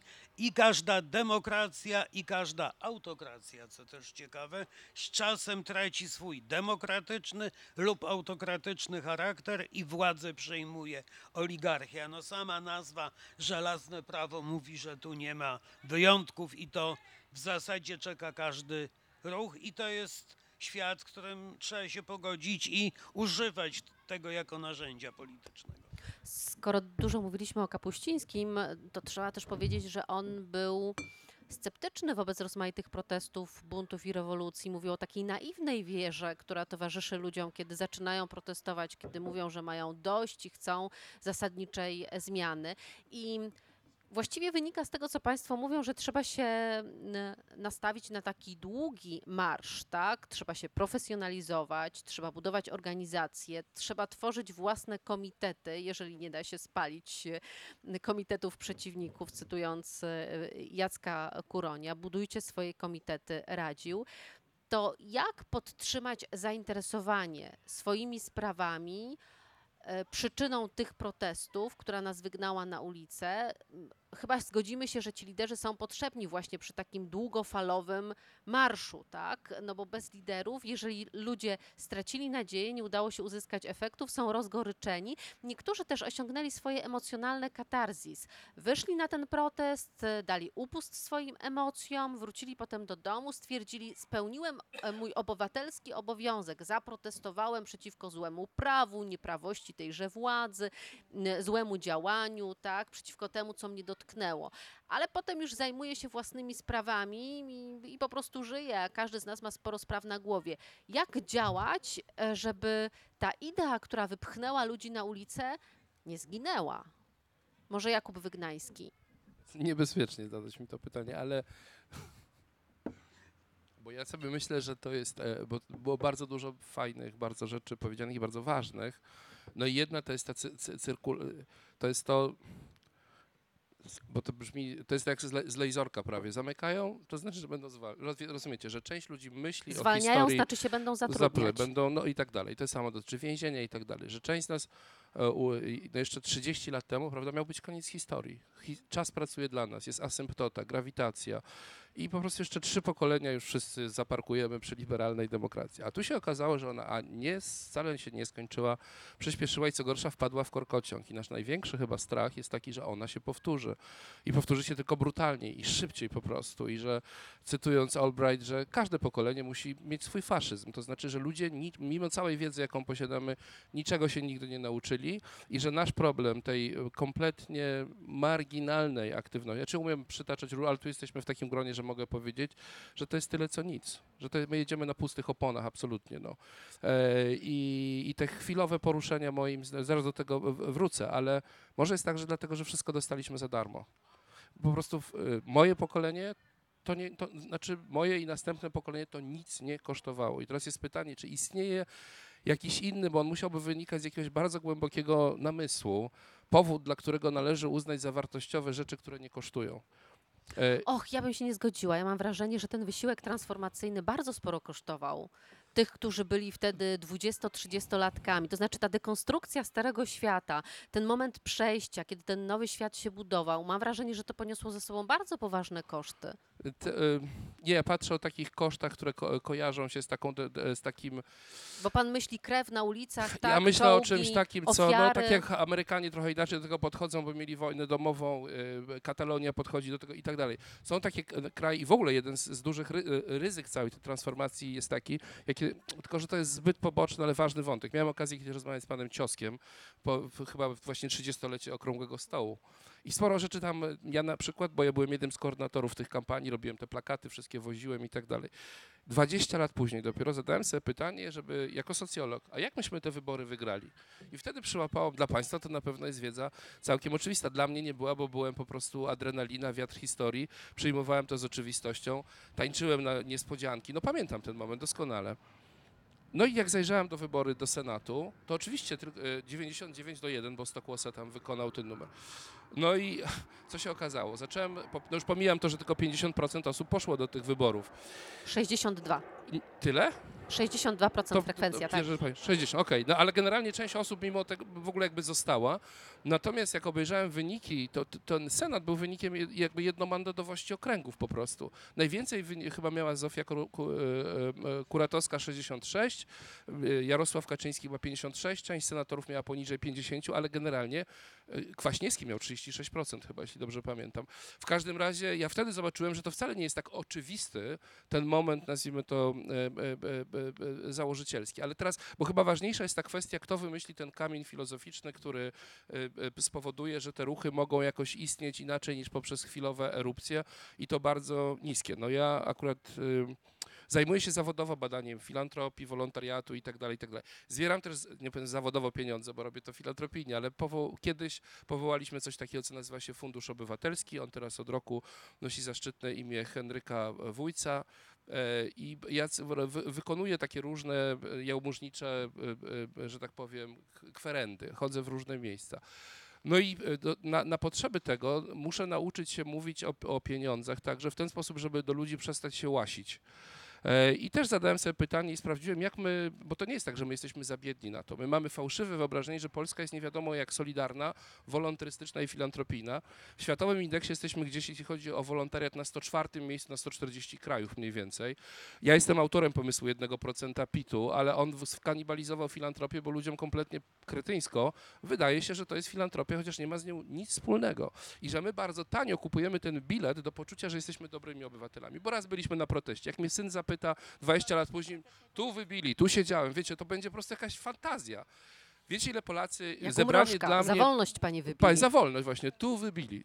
No więc to, to chyba tak będzie wyglądać, bo jak patrzę na to, jak na przykład trudno zebrać pieniądze na bardzo ważne rzeczy. My tam, nie wiem, zebrali, udało nam się zebrać przez rok milion złotych, wsparliśmy 67 projektów, ważnych projektów, naprawdę. Ruchy mniej, no mniejsze, od- nie chcę wchodzić jakie, ale to jest cenne. Jak to porównamy z 700 milionów Polskiej Fundacji Narodowej, to my nawet nie jesteśmy Dawidem przy Goliacie, jesteśmy Rzemikiem być może. Ale jak zacząłem czytać, ile mamy pieniędzy, bo ludzie mówią, nie, nie, słuchaj, to teraz wiecie, kryzys, nie mamy pieniędzy. Polacy rocznie wydają na alkohol 50 miliardów złotych, na siłownię, no oczywiście teraz był rok trudny dla siłowni, ale poprzednio to około 5 miliardów złotych. My tam promujemy taką akcję abonamentu na demokrację I gdyby nam wyłączyli Netflixa, wiecie, komórkę nie daj Boże, to rewolta by była taka, żeby się świat skończył. Natomiast żeby ludzi namówić do tego, żeby przeznaczyli 10 zł, ale co miesiąc i regularnie, to jest po prostu praktycznie nieosiągalne. I ja nie wiem, gdzie jest, bo my, e, to samo dotyczy biznesu, my się po prostu jakoś nie stoimy w prawdzie, jeśli chodzi o to, jak to, a to jest najtańsze. No w całej tej, e, nazwijmy to, rewolucji, to to są najtańsze rzeczy, to jest drobiazg, to jest po prostu rezyduum, to jest to, co, na, co, na co wydajemy na kawę i to jest niemożliwe do zmobilizowania. Więc mi się wydaje, że jeden element to jest taki, że my musimy przestać sobie kłamać, jacy to my jesteśmy dzierscy, dzielni i kogo my, jak myśmy, no ja sam byłem na ulicach i krzyczałem, nie ma wolności bez solidarności. Wolność to my mamy, ale solidarności moim zdaniem prawie za grosz nie mamy. Znaczy gdybyśmy rozebrali znaczenia słowo solidarność, także w tym e, e, takim fundamentalnym sensie. Ja dużo pytałem ludzi, którzy ten czas pamiętali tak emocjonalnie i pytałem ich, to jak wyście wtedy czuli tą solidarność? A on mówi, my czuliśmy, że nie jesteśmy sami. To znaczy, że jeżeli jeden zakład strajkuje, to drugi będzie go bronił. Tu w Poznaniu rozmawialiśmy o strajku nauczycielskim. Rodzice generalnie zostawili tych nauczycieli w polu w jakimś sensie. My jako grupy społeczne, Solidarność nie polega na ochronie grupowego interesu. To jest dosyć naturalne, do tego naprawdę nie trzeba być kimś szczególnym. Bronię swego. Solidarność w tym rozumieniu, tym, która spowodowała rzeczywiście ten odwrócenie tego i to, że górnicy strajkowali za pielęgniarki, bo tak było wtedy, to cały świat odkładał po prostu. Co ci Polacy? Przecież my wtedy kupiliśmy mentalnie, emocjonalnie paszport do Europy. Jak oni zobaczyli, co to są za dziwni ludzie. To się zdarzyło bez rozlewu krwi i ludzie robią takie rzeczy. To po prostu zachwyciło wszystko. Może Ale my to- mamy coś takiego jak taki patologiczny indywidualizm. Takie krótkie. No, mi się wydaje, że jest jakiś problem e, dotyczący e, e, e, działania wspólnego, ale e, e, bo nie będzie już drugiej szansy, ale ja dużo pracuję z ludźmi, którzy robią te różne ruchy społeczne, bo oni myślą, że ja się na tym znam. Bo 30 lat stażu, wiecie, i tak dalej. Pierwsze to rzeczywiście jest problem taki, że my musimy szukać formuł, które ja bym określił jako w Polsce nikt nie potrafi, nie- nie potrafimy śpiewać razem. Znaczy, y, y, Sokoły to jest chyba szczyt tego, co potrafimy, wiecie, i, i jedna zwrotka hymnu narodowego. Nie potrafimy y, y, tego, tego zrobić, nie potrafimy tego nawet śpiewać razem. I teraz wydaje mi się, że to jest rzeczywiście dość często jest tak, że partie polityczne próbują, znaczy każdy każdemu próbuje ukraść tą resztkę wiatru. To znaczy, i to też NG, o NGO-sach też, no ja jestem zawodowym NGO-sowcem, ja zarabiam, utrzymuję rodzinę, ja jestem biurokratą, jestem generalnie dygnitarzem NGO-sowskim, więc znam też ludzi, którzy uważają, że to w ogóle jest nie w porządku, przecież naturą społecznego działania jest nic z tego e, e, nie mieć, ale to się wtedy też nie udaje, chyba, e, chyba Oscar Wilde powiedział, no to do wielu ruchów dotyczy. Socjalizm nie może się udać, gdyż wymaga za dużo wolnych wieczorów. Więc ja mogę Państwu z ręką na sercu powiedzieć, że już nie mam wolnych wieczorów i teraz my musimy wymyśleć partyturę, która łączy w sobie partie polityczne ich nie unieważnia, bo nie mamy innego e, pomysłu. Musi znaleźć miejsce dla ruchów społecznych i to w różnych konwencji, bo ta stara reguła rzeczywiście była taka, że to musi być lider. W tej chwili, jak weźmie się ruchy na przykład no te nowe czy młodzieżowe i bardzo niedobre doświadczenia związane ze skrzyżowaniem ruchu i na przykład samą strukturą właścicielską Facebooka. Nie chcę Państwa raczyć opowiadaniami, ale sami możecie odtworzyć, że ktoś zostaje liderem, bo kiedyś y, y, no, wieczorem założył stronę na Facebooku i był jej właścicielem. Ja mogę wymienić co najmniej pięć silnych organizacji, których składy są liczone w dziesiątkach tysięcy osób. To nie jest 15 osób, które pokłóciły się przy zbieraniu znaczków, których koniec końców ulty, ostateczna władza polegała na tym, że ktoś coś założył na Facebooku. Wszystkie ruchy, które wymieniłem tutaj, to są ruchy, w których generalnie energia społeczna jest połączona z jakimś mechanizmem komunikacji i podejmowania decyzji. Prawdopodobnie najbardziej obiecująca jest ta tak zwana liquid democracy i młodzi na przykład tego szukają. Jest dokładnie odwrotnie, jak przychodzą ludzie, pracowałem trochę z MSK, czyli z Młodzieżowym Strajkiem Klimatycznym. Oni nawet do nas przychodzili do stoczni. To muszę wam powiedzieć, że to było poruszające, że ludzie przychodzili i oni pół godziny potrafili chodzić po korytarzu, bo bali się, że ten pierwszy, który powie, chodźcie, zaczynamy, to już jest liderem. Oni się potwornie boją tego myślenia w kategoriach aparatu. Jak przychodzisz na salę, mówisz, dobra, to z kim gadamy, dajcie mi jakiś telefon, to nie wszyscy dają telefony. I widać to też, że to jest ruch, który, zresztą w tej chwili mówi się o takiej kategorii nie tylko leader-less revolution, ale leader-proof. To znaczy takie, e, takie rewolucje, w których dokładnie wyeliminowanie jednego lidera, bo to jest najłatwiejsza metoda, trzeba go kupić, przekupić, nie wiem, skompromitować i tak dalej, rozwala cały ten ruch. Wszyscy się o to pokłócą i nie chcę wymieniać tych ruchów, ale dobrze je znacie. Natomiast w tej chwili trzeba budować takie instytucje, które są immunologizowane na to, są jak dom po trzęsieniu ziemi, mają struktury, potrafią się bronić przed tym i one uzyskują dopiero odporność. Wczoraj miałem dosłownie rozmowę, to nie jest wielka tajemnica, z szefem kodu, bo oni piszą nowy statut. I dużo rozmawialiśmy i on mi mówi, bo ty, ty mówisz o lud, mówi, on mówi, on z Ludką Wujec rozmawiał, a może to jest struktura Solidarności, w sensie, bo tam jest cały czas takie napięcie statutowe między tym, że, y, no już musiałem wchodzić w bardzo szczegóły, ale zbudowanie struktury, która jest odporna ze względu nie na, na to, że mają fajnego lub niefajnego lidera, tylko że jako organizm potrafią się obronić przed bardzo różnymi sytuacjami, że ktoś zwariował, że ktoś, nie wiem, zdradził, że komuś się odechciało, że ktoś zabrał głos w sprawie, o której mieliśmy nie zajmować stanowiska i tak dalej. To są bardzo trudne rzeczy i moim zdaniem częściowo odpowiedź na to pytanie brzmi w czymś, co określiłbym jako kod. Kod, nie, czy nie w sensie komitet obrony demokracji, tylko skrypty za pomocą ludzi, e, tego, jak ludzie się angażują. Na przykład dla mnie to super jest ważne, jak my w tym małym środowisku pozarządowym, to jest zasada takiego peletonu. To znaczy, my bardzo często podpisujemy różne listy, i bardzo nam zależy na tym, żeby się umówić, teraz ty piszesz ten list, a ja podpisuję, a za miesiąc będzie odwrotnie, to my napiszemy ten list, a wy go podpiszecie. I że my nawet takie przy tej resztówkach energii, jakie mamy, to arcyważne, wydaje mi się, jakieś czytelne skrypty na temat tego, jak dzielimy się pracę, no ale najważniejsze jest jakby zbudowanie większego tortu, po to, żeby po prostu zazdrośnie nie walczyć o jakąś elementarną e, e, uwagę. I moim zdaniem na to istnieją e, e, dobre metody, chociaż wszystko, o czym pani też mówiła. Ja znam sporo ludzi, którzy żyją po prostu z tego, że doradzają No do, dość Państwu powiedzieć, że nawet jak są w tej chwili urządzenia z badań, to wiadomo, kamera rozpoznaje około 20 stanów emocjonalnych, prawda? No w badaniach niby ludzie chodzą na fokusy i mówią, że im się coś podoba, na przykład podoba mi się ta butelka, ale to nie ma żadnego znaczenia, bo analiza, znaczy analizuje się twarz po prostu i to rejestruje około 20-40 emocji. Więc w tej chwili są narzędzia i lidera, który wygrał bardzo dobrze wybory w Europie, na ten temat nie powiem, które w czasie rzeczywistym, gdybyśmy tutaj siedzieli, ja bym miał w tej chwili kamerę, to bym wiedział, czy jak ja mówię, jesteśmy wkurwieni, to w kim z was budzi to emocje, dobrze powiedział, a w kim no nie, przegiął. Że rodzaj w tej chwili profesjonalizacji, programowania tego, że wygrywanie, bo to jest nieszczęście, to jest nieszczęście demokracji, o czym mówimy, że żeby wygrać wybory, trzeba ludziom mówić rzeczy, które oni chcą usłyszeć.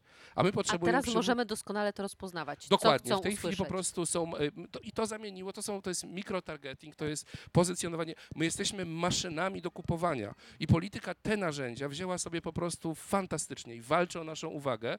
Odwrót Politycy potrafią nas rozpoznać lepiej niż przyjaciele i rodzina. Pewnie tak, pewnie tak. Na I, pewno i, tak, i, są badania. I, i, Znaczy, nie w Cambridge oparciu o to, co Analytica- mówimy. Cambridge Analytica wyraźnie powiedziała, że na podstawie naszej aktywności, a bodajże na jednym z najpopularniejszych komunikatorów czy medium społecznościowym, na podstawie naszej aktywności z 20 bodajże e, innymi uczestnikami, już są w stanie e, algorytmy wyliczyć preferencje w odniesieniu do różnych obszarów naszego życia, nawet jeżeli te preferencje nie są e, bezpośrednio wyrażane, tak? Czyli innymi słowy, na podstawie tego, jak Państwo linkujecie, co Państwo lubicie, czego nie lubicie, jak tam jesteście aktywni, jesteśmy w stanie określić, jaką książkę kupicie, nie wiem, na kogo zagłosujecie, albo co jest dla Was ważne. I oczywiście mówię w dużym uproszczeniu, ale jest tak jak najbardziej. I na to, Ale na też to jesteśmy w stanie określić mówimy tu- orientację seksualną, Tak, poglądy mówimy tutaj polityczne. oczywiście, proszę Państwa, o też no, pieniądzach ogromnych, prawda? Ale zwróćcie Państwo uwagę, że w przeciwieństwie do prze przedsiębiorstw komercyjnych politycy mają pieniądze publiczne najczęściej, tak? Czyli to nie są pieniądze, którzy, które musieli sami zarobić, tylko są to pieniądze, które albo pozyskali z budżetu, albo pozyskali dlatego, wszystko zależy od systemu finansowania. E, Albo, albo na przykład od inwestorów prywatnych, który, którzy z kolei oczywiście traktują inwestowanie w politykę właśnie jako inwestowanie, a nie jako koszt, prawda? Czyli oczekują, oczekują zwrotów. Tu jest bardzo wiele ciekawych wątków i myślę, że nie, nie znajdziemy na pewno żadnego rozwiązania. A propos tej naszej skłonności na przykład do takiego e, solidarnego działania, to y, y, jak tutaj e, pan Jakub mówił, to trochę mi się tak e, kojarzyła Wielka Orkiestra Świątecznej Pomocy, to znaczy przy ogromnej sympatii dla tego ruchu, to też mam wrażenie, że to jest trochę na tej zasadzie, że raz do roku ludzie wezmą udział w tej orkiestrze i później mają przekonanie, że właściwie właśnie działają altruistycznie, czy, czy, czy, czy prowadzą takie działania na rzecz innych, no bo przecież I że jesteśmy tacy fajni. i, I jesteśmy fantastyczni, bo nikt na świecie nie zrobił niczego takiego jak Wielka Orkiestra. Przy oczywiście całym ogromnym szacunku dla tej inicjatywy. Ja tutaj mówię o obywateli. Mamy jeszcze Sendlerową, ale Dokładnie. I jeszcze jedna tylko historia, jeżeli mogłabym, y, bo to jest kwestia, myślę też i oczywiście kulturowa i mentalnościowa. Nie potrafimy jakoś się wspierać. Ten indywidualizm jest taki bardzo drapieżny, ale zwróćcie Państwo uwagę, że znaczy istnieje taka, taka koncepcja Hefstedego, tak, badacza holenderskiego mówiąca o tam wymiarach kulturowych I jednym z takich wymiarów właśnie jest kwestia indywidualizmu. Ale indywidualizm, i my w tej skali indywidualizmu jako, jako społeczeństwo, czy jako naród, mieścimy się tam wysoko, bo na poziomie około 70%, Amerykanie jeszcze wyżej, bo na poziomie o 90%, ale indywidualizm polski, indywidualizm amerykański to są dwie różne rzeczy. E, Kulturowe uwarunkowania na przykład, e, religijne uwarunkowania, w dużym uproszczeniu rzecz ujmując, w Stanach Zjednoczonych czy w kulturze amerykańskiej nakazują, że ten, kto się dorobił, ma się jakoś dzielić, tak? E, U nas natomiast, e, i to jest ten syndrom, o którym Pan wspominał, że wydajemy ileś tam pieniędzy na alkohol, tłumaczymy się, że nie, kupu, nie kupujemy książek, bo nas na to nie stać, bo tam nie mamy zaspokojonych tych, tych potrzeb materialnych bezpośrednich, a tu się później okazuje, że Tutaj muszę zmodyfikować, struktura- ponieważ badania Biblioteki Narodowej mówią, że o ile rzeczywiście w latach 90., 2000 Mhm. tłumaczyliśmy nasze nieczytanie Okej. brakiem pieniędzy na książki, o tyle teraz nie wstydzimy się nieczytania, mówimy wprost, nie czytam i nie kupuję, bo nie Jasne. chcę. Y, To jeszcze gorzej. Natomiast no mówię, ten brak solidarności myślę, że też gdzieś tam mentalnie tkwi w, w, w no, tych uwarunkowaniach takich kulturowo no, historycznych. Pani Karolino, ja bym chciał trochę obrócić bieg naszej dyskusji, bo tutaj, jak Kuba powiedział, 30 lat temu wierzyliśmy w Fukuyamę w zwycięstwo liberalnej demokracji, a teraz widzę, obróciliśmy nasze wektory o 180 stopni. Ludzie wolą wydać na siłkę niż na okopres. Nie interesują się demokracją. Każdego można kupić i jeszcze do tego Cambridge Analytica i tak wszystko za nas załatwi. Czyli jesteśmy skazani na jakoś. Na, nawet trudno to nazwać faszyzmem chyba, tak? Bo na jakąś dyktaturę naprawdę orwellowską zupełnie. W Polsce jest nadwiślański salazaryzm. My tego nie widzimy, ale moim zdaniem w ogóle nie czytamy tego, a to jest właśnie Znaczy, inną rozmowę. Kiedyś chyba Mochnacki powiedział, że w Polsce nic nie udaje się do końca i to dotyczyło i stalinizmu, i stanu wojennego, i tego, i tego kaczyzmu, który i tak jest daleko i za salazaryzmem chyba, i za A czy dotyczy także demokracji, też się nie udała do końca? E, trochę też, oczywiście. No, z pewnością jest bardzo, i to pokazują wszelkie sondaże, także cebosowskie, że większość ludzi uważa, że demokracja jest dobra, natomiast nie jest zadowolona z kształtu demokracji i nie wiem, czy to jest optymistyczne, czy nie, ale w ostatnich latach ci, którzy są niezadowoleni z demokracji, to ich, o, ich procent rośnie, a tych, którzy domagają się demokracji, też rośnie. Czyli mamy coraz więcej demokratów i coraz więcej niezadowolonych z demokracji. Ja uważam, nie wiem, czy tu się Kuba zgodzi, że nikt tyle nie zrobił dla społeczeństwa obywatelskiego, co Kaczyński i PiS ludzie w ogóle dzięki temu zaczęli o tym mówić, organizować się, demonstrować, płacić pieniądze na niezależne media. Ja staram się może ze względu na wiek i na to, że chciałbym doczekać lepszych czasów. Wiecie Państwo, co mam na myśli najbardziej konkretnie. No to staram się myśleć jednak pozytywnie, tak? A nie, że my jesteśmy skazani na po prostu koniec świata. On i tak nam grozi klimatycznie. Nie mam co do tego niestety wątpliwości chyba. Ale jeszcze mam myśleć, że nam grozi dyktatura y, jakaś globalna, to już trochę za dużo. To teraz czas, czas na Marcin pytania, chyba. na pytania. E, Jeżeli mają Państwo ochotę, tak, to ja oczywiście podchodzę z mikrofonem.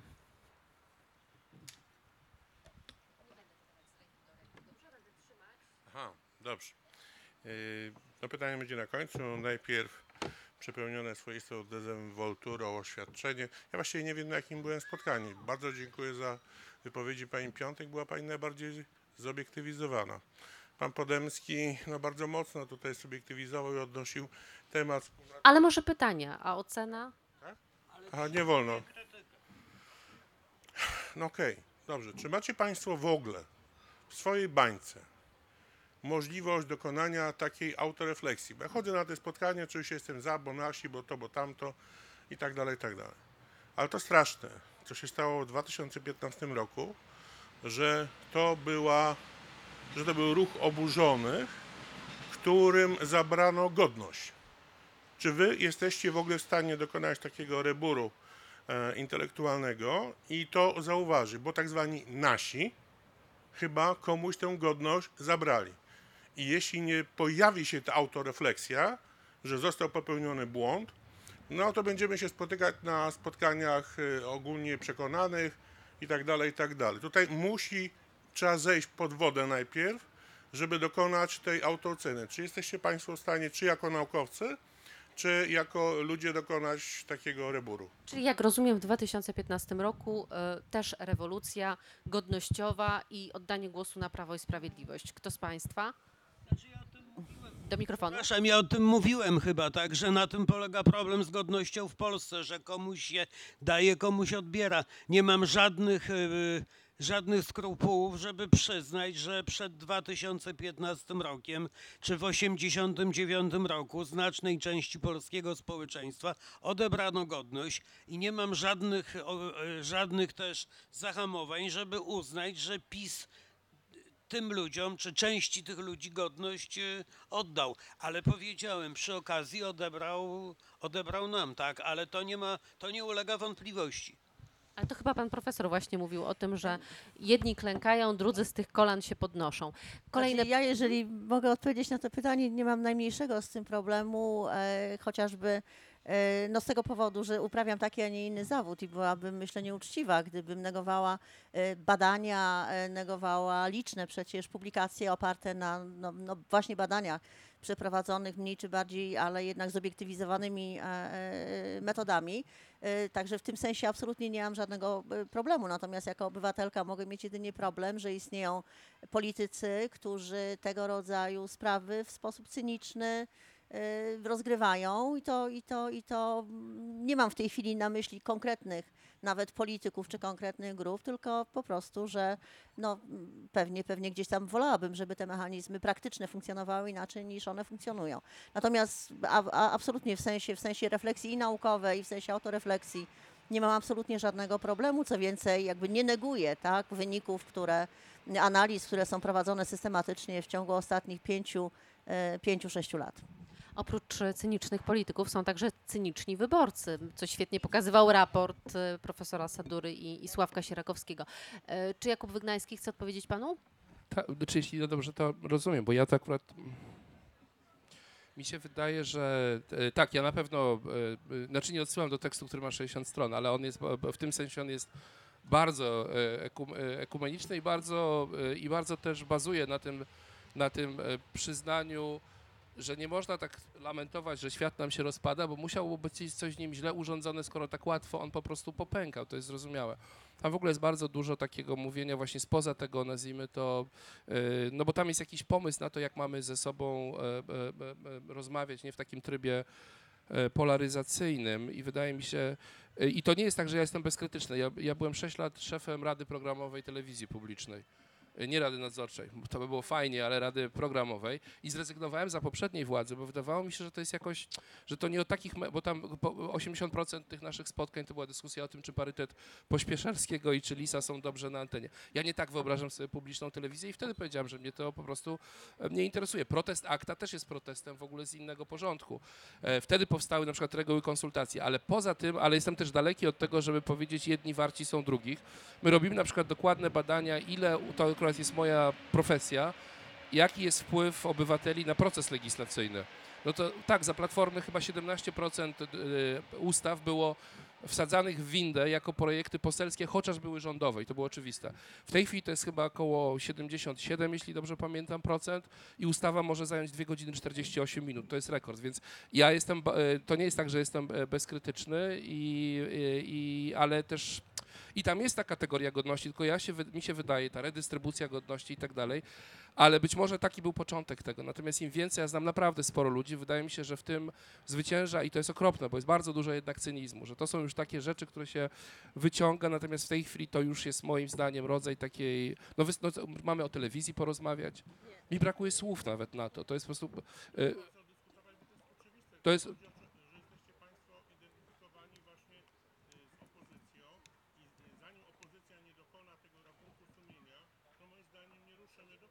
a zgadzam się absolutnie.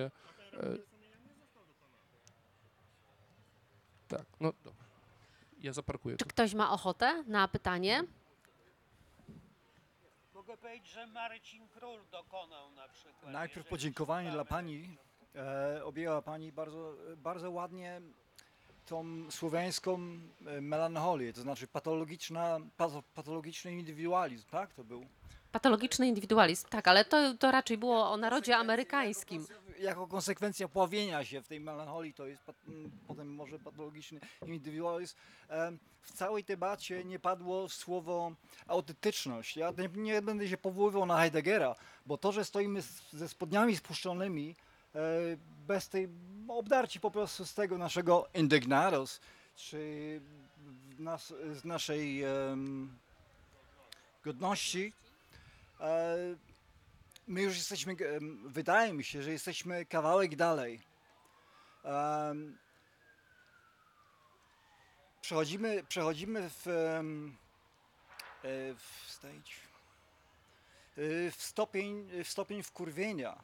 Wychodzimy na tę ulicę i poza wykrzyczeniem wypierdalać, czy jesteśmy wkurwieni, nagle przestajemy być autentyczni w tym, co robimy, bo na przykład jedni chcą zaśpiewać hymn narodowy, kręci się przy tym, ja już to nazywam powoli oberek Dąbrowskiego, a inni zastanawiają się, o tym to pani też mówiła, zrobiłem, zrobiłem moją robotę, idę teraz do domu. I Czyli, czyli pytanie jest o to, na ile jest... E, tego, gdzie możemy być zbiorowo, kolektywnie autentyczni tym, co robimy na tej ulicy. Bo, bo cały, cały inny... do, no, Okej, przy- Dobrze, zadajemy to pytanie o e, autentyzm nas na ulicy. Ja, jeżeli mogę, to przyznam szcze- szczerze, że nie bardzo rozumiem kategorię zbiorowej autentyczności, bo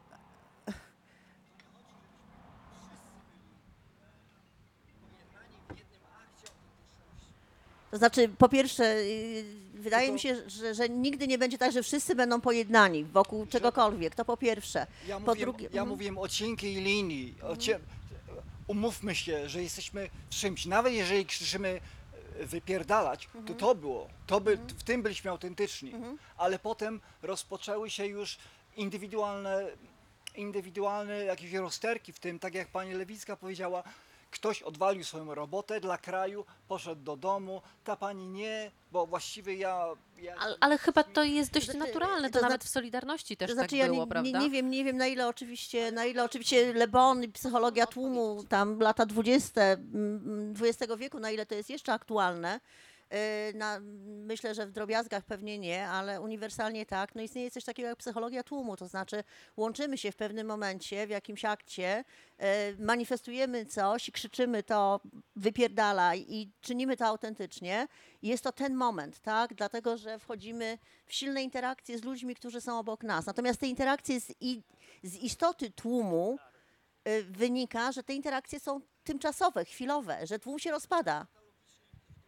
Y, Tłum się, nie, no tłum się rozpada, no nie może tłum siedzieć, nie wiem, godzinami, dziesiątkami dni w tym samym miejscu, w tym samym składzie.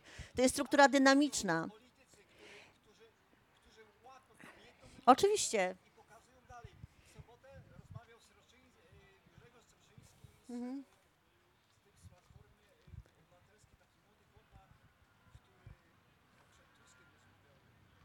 To może to zostawmy, jeszcze dajmy szansę, ponieważ czas nas W każdym goni razie, no, na mówię, ja nie jestem w stanie pytanie. odpowiedzieć w żaden sposób na Pana pytanie, natomiast no mówię, no są pewne takie psychologiczne prawa rządzące naszymi zachowaniami w zależności od tego, czy jesteśmy w przestrzeni bardziej kameralnej, czy jesteśmy w takiej przestrzeni, w której inni bardzo silnie od, na, na nas oddziaływują. Ja znam przypadki, myślę, że Pan również zna przypadki, Państwo znacie przypadki, że ludzie w pewnym momencie uwikłani w jakiś właśnie, nazwijmy to umownie tłum, bo działo się jakieś wydarzenie, zachowywali się jak najbardziej autentycznie, po czym, kiedy ten happening, nazwijmy to, się zakończył e, i kiedy myśleli o tym, co robili, to czuli się autentycznie zaskoczeni tym, że, potla, że, że, że, Że poddali że, się że poddali emocjom. się emocjom, że manifestowali takie rzeczy albo mówili takie rzeczy, których normalnie by, jak im się wydaje, nie powiedzieli. Jedno się z drugim nie kłóci, tak? To jest kwestia, mówię, konkretnej sytuacji, takiej komunikacyjno-psychologicznej, tak? Ja, ja bym tak to widziała. Czy są jeszcze jakieś pytania? Jedno Mm. ostatnie? Nie ja ma? Coś o, znaczy, bo, Tak?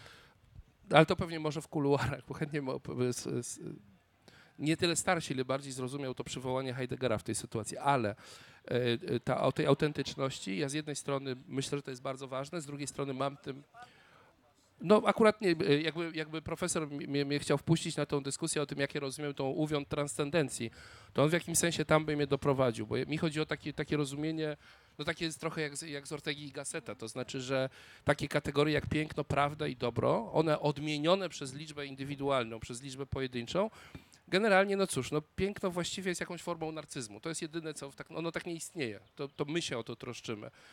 Jeśli chodzi o, e, o, o- o dobro, to bardzo często właściwie ogranicza się do nas. To jest jakaś forma egoizmu, rzeczy wspólne, republikańskie, ale w takim rozumieniu właściwym republi- republiki, czyli rzeczy wspólnej nie Moim zdaniem największy kłopot jest właśnie z prawdą, dlatego że to jest taka sytuacja, w której moim zdaniem, i nie wiem jak pan rozumie tę autentyczność, ale skoro wszyscy kłamią, to być może jedyny jest jakiś rodzaj domniemanie, że jedyne, co mi nie kłamie, to jest to, co ja czuję. To znaczy, nie, ale to nawet nie chodzi o to. Ja mi, się wydaje, ale to jest na dłuższą pewnie ro, rozmowę, że istnieje pewien, w spowiedzi powszechnej jest taki fragment myślą, mową i uczynkiem. Uważam, że one są bardzo dobrze e, rozróżnione. Uważam, to, to, z czym my mamy do czynienia, łącznie z wyśmianiem konceptu politycznej poprawności, to jest to, że bardzo skróciły się piętra. To znaczy ludzie różne rzeczy myślą, albo czują nawet, ale niekoniecznie je powiedzą. A dawniej między tym, że powiedzą, a zrobią, mijało bardzo dużo czasu. A w tej chwili doszło do czegoś takiego, takiego autozapłonu, krótkiego lądu, w którym ludzie się tłumaczą tym, no ale ja tak czułem, wiesz, naprawdę cię nienawidzę i przyjmij to do wiadomości, to jest ta moja prawda. Tak, a musimy, ko- tylko...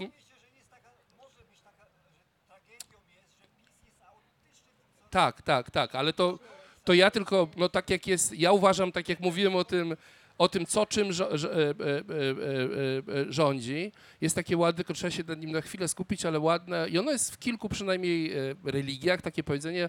Ono chyba najlepiej jest, chyba w Księdze Przysłów. Tylko to trzeba się na chwilę skupić. W, w ustach głupca jego serce, w, sercu mędrca jego usta.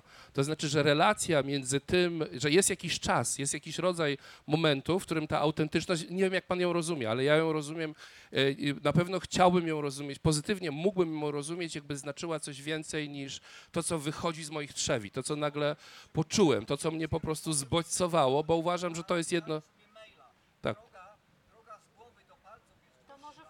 To w kuluarach jeszcze usta, ustalimy, kto ma gdzie serce i gdzie głowę. Szanowni Państwo, bardzo dziękujemy za to spotkanie. Dorota Piątek, Krzysztof Pode- Podemski i Jakub Wygnański byli Państwa gośćmi. Oczywiście zapraszamy na wszystkie inne debaty na festiwalu Malta, zawsze o 17.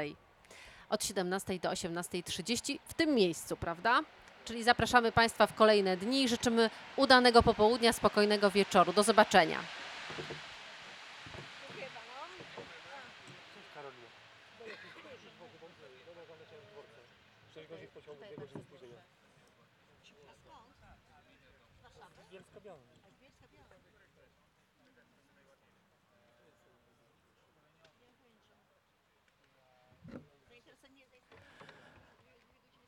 Drodzy goście, gościnie, osoby goszczące, zapraszamy na orędzie Queen of the Fortress i otwarcie rezydencji, oficjalne otwarcie razem z wciągnięciem flagi przez waszą Queen do twierdzy, na szczyt.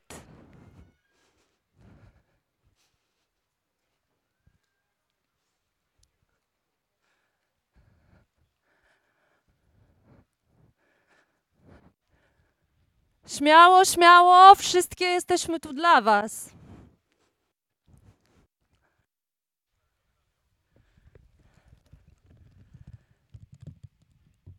Przed Wami, drogie osoby, kolektyw Uskoki i Queen of the Fortress.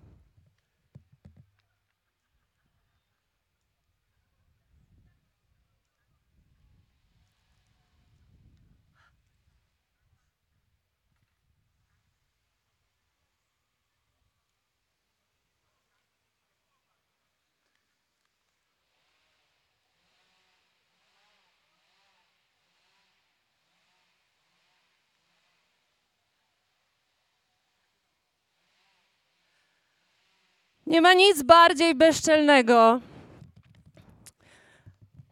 niż wzięcie sobie w posiadanie ziemi. Nic bardziej krnąbrnego i nic bardziej ludzkiego. Nie ma nic bardziej ludzkiego niż ogłoszenie niepodległości kawałka ziemi, czyniąc ją sobie tym samym przez chwilę podległą, wierząc, że kiedykolwiek miałyśmy do niej prawo. Nic bardziej ludzkiego niż posiadanie, stabilizacja, prawo własności.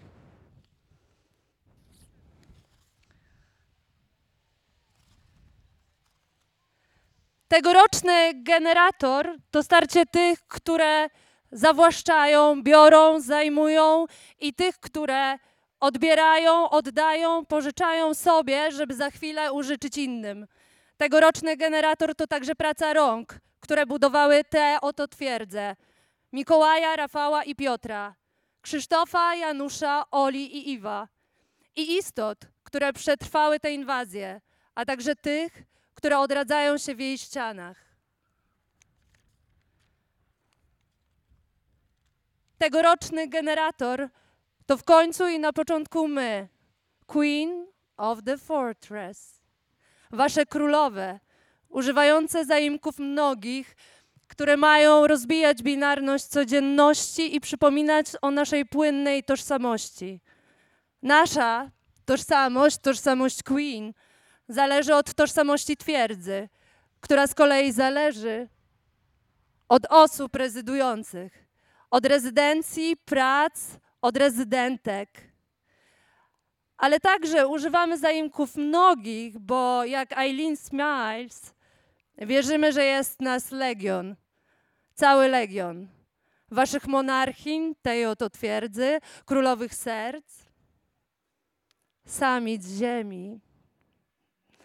Można nas spotkać w okolicy twierdzy codziennie w południe i codziennie wieczorem. Można z nami porozmawiać, potańczyć, zadać kluczowe i zupełnie nieistotne pytania. Nasze królowanie zaczniemy od upadku, od utraty, od końca panowania. Witamy kolektyw Uskoki. Kolektyw Uskoki macha do nas z twierdzy, kolektywowi Uskoki oddajemy twierdzę i siebie, zatopione w aluminiowej koronie, która ma nas chronić przed mikrofalami emitowanymi przez nadajniki Wi-Fi 5G, 3G, 12G, 21G, 40G. Zatopione w aluminiowej koronie marzymy o analogowej wolności fal radiowych. Kolektyw Uskoki uskoczy, piratki, porywają teren i fale radiowe, zajmują ziemię, aby zająć fale, których nikt nie może mieć na stałe. Fal radiowych nie można mieć na stałe, nie można mieć na własność. Fale radiowe nie transmitują obrazów, a drgania, ruchy, dźwięki. Radio to staroświecki ramol, to staroświecka wolność to analogowe piractwo. Radio jest wtedy, kiedy wasza babcia mówi, że za jej czasów nie było telewizji. Wtedy jest radio. Radio to tymczasowość, ulga niestabilności przestrzennej i emocjonalnej. Fale radiowe się pożycza, zajmuje, przejmuje, ale tylko chwilowo. Fal radiowych nie można mieć, dziedziczyć, kupować. Na falach radiowych można drgać, płynąć, być samowystarczalnymi. Drżeć można, falować, drzeć się. Drzeć się można na falach radiowych. Organizować, łączyć, autonomizować, wyodrębniać, anarchizować, wydzierać, ale tylko chwilowo. Tym mocniej.